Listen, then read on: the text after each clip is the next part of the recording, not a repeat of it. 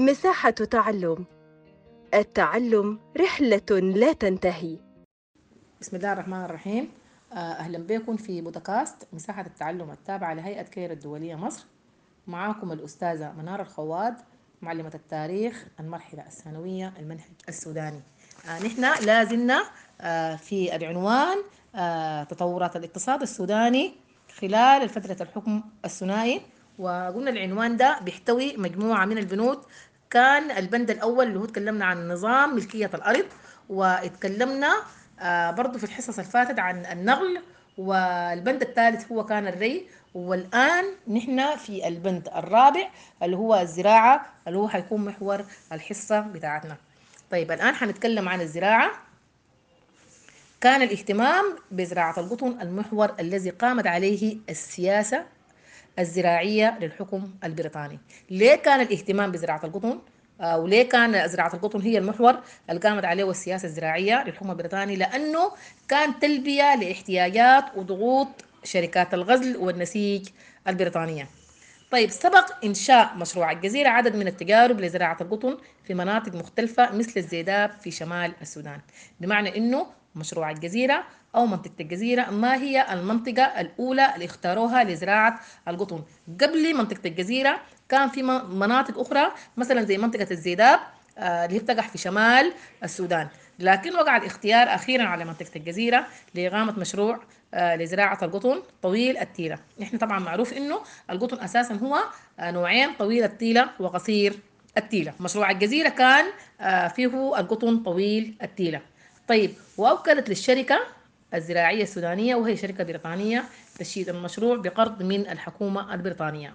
طيب المشروع نفسه أو مشروع الجزيرة ده كان عنده نتائج إيجابية ونتائج سلبية. يعني كان عنده وجهان وجه إيجابي ووجه سلبي.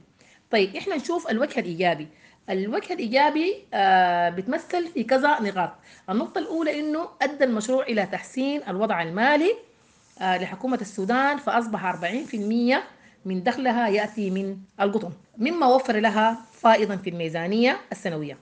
طيب بلغ القطن ثلثي صادرات البلاد. آه فتحسن الميزان التجاري.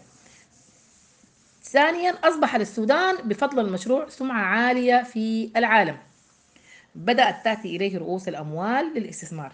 وفتح المشروع فرص كثيرة للعمالة واستفاد المزارعين وارتفع مستوى معيشتهم. ده كان ال ال الوجه الإيجابي. نشوف النتيجة السلبية أو الوجه السلبي. تقلت سلبيات مشروع الجزيرة في الاعتماد على المحصول النقدي الواحد هو القطن مما يجعل سعره يتأثر بالسوق الرأسمالي. وقد تأثر السودان بالفعل بالأزمة الاقتصادية العالمية سنة 1929 ل 1933 عندما هبط الطلب على القطن وانخفض سعره. لجأت الحكومة إلى إجراءات اقتصادية صارمة. خفضت العمالة والمرتبات. أيضا من السلبيات المشروع آه إنه الشركة الزراعية السودانية سيطرت على تسويق القطن وحرمت المزارع من أي دور في تسويقه. وأخيرا تم تأميم المشروع سنة 1951 طيب لقت الزراعة المطرية اهتمام من الإدارة البريطانية ويبدأ حزام الزراعة المطرية من القضارف في الشرق إلى دارفور ومنخفض بحر الغزال. طيب وتشكل برضه شكلت الزراعة المطرية 87% من جملة الأراضي الصالحة للزراعة.